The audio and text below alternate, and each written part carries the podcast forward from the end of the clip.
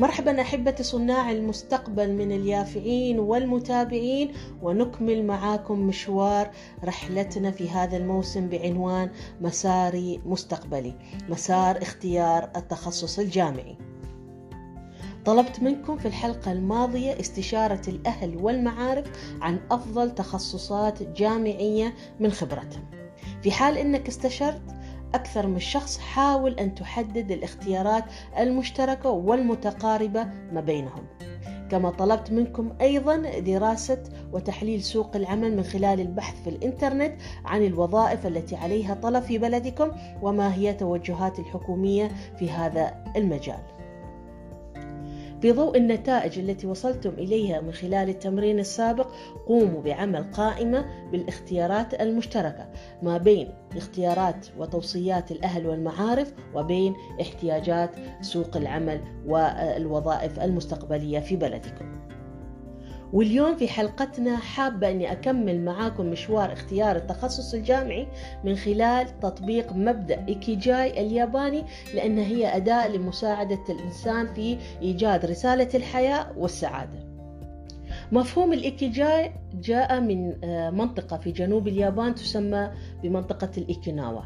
ويقصد بالإيكيجاي وفق ثقافة هذه المنطقة بأنها السبب وراء استيقاظ الفرد وهي التي تدفع بالفرد إلى الاستمتاع بحياته.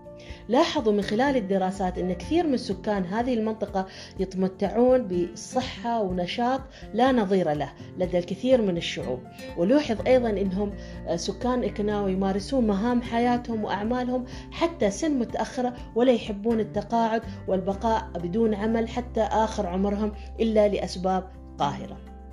أكيد تتساءلون ما علاقة هذا المفهوم باختيار التخصص الجامعي. طيب بقول لكم العلاقة ما بين الإيكيجاي واختيار التخصص الجامعي.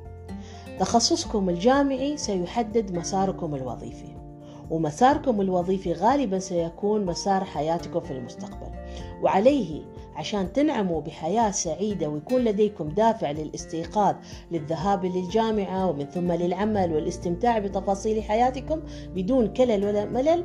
لابد أن نجد معادلة الإيكيجاي الخاصة بكل واحد منكم. معادلة التوازن في الإيكيجاي تقوم على الإجابة على أربعة أسئلة رئيسية. تذكرون في الحلقة الماضية عندما أخبرتكم بأن الطريقة المثلى في اختيار التخصص الجامعي تقوم على التوفيق ما بين استشارة الأهل والمعارف ودراسة سوق العمل والشغف. إيكيجاي أداة من الأدوات اللي ممكن تساعدكم في تحقيق التوازن والتوليفة ما بين هذه العوامل الثلاث. هذا هو تمرين الكوتشنج الخاص بحلقة اليوم. أحضروا ورقة وقلم وقوموا بتقسيم الورقة إلى أربعة أقسام للإجابة على الأسئلة التالية. السؤال الأول ما الذي تحبونه؟ ما هي الهوايات اللي تمارسونها بشغف وحب وتكون ملهمة لكم وممكن أنكم تقضون فيها ساعات طويلة دون ملل دونوا أكبر عدد من هالهوايات في الجزء الأول من الورقة. ثم قوموا بالإجابة على السؤال الثاني. ما هي المهارات الفريدة والمواهب اللي تمتلكونها وتشعرون أنه بيمكن تطويرها من خلال الدراسة الجامعية؟ ربما تكون موهبة الرسم ممكن تكون موهبة الكتابة ربما لديكم مهارات في التركيب ربما لديكم مهارات إلكترونية وغيرها دونوا كل ما يخطر في بالكم في الجزء الثاني من الورقة. ثم نأتي للإجابة على السؤال الثالث من معادلة التوازن في الإيكيجاي. السؤال الثالث يقول: ما الذي تمتلكه ويمكن أن يكون مصدر دخل لك؟ ما هي المهارات أو المواهب التي تمتلكها ويمكن أن تطلب من قبل أشخاص آخرين ويدفعون لك أجر مقابل القيام بها؟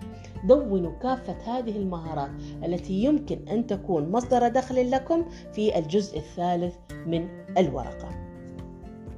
وأخيرا اسألوا أنفسكم ما الذي يحتاجه العالم وتشعرون بأنكم تستطيعون تلبية هذه الحاجة وأن تتركوا اثرا ايجابيا فيه.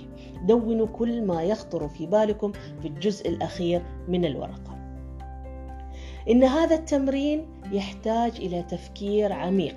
ما تستعجلوا في الإجابة على الأسئلة الأربعة لأن الإجابات على هذه الأسئلة تعتبر إجابات مصيرية. خذوا وقتكم في التفكير وفي الإجابة على هذه الأسئلة الأربعة من أسئلة معادلة الإيكيجاي.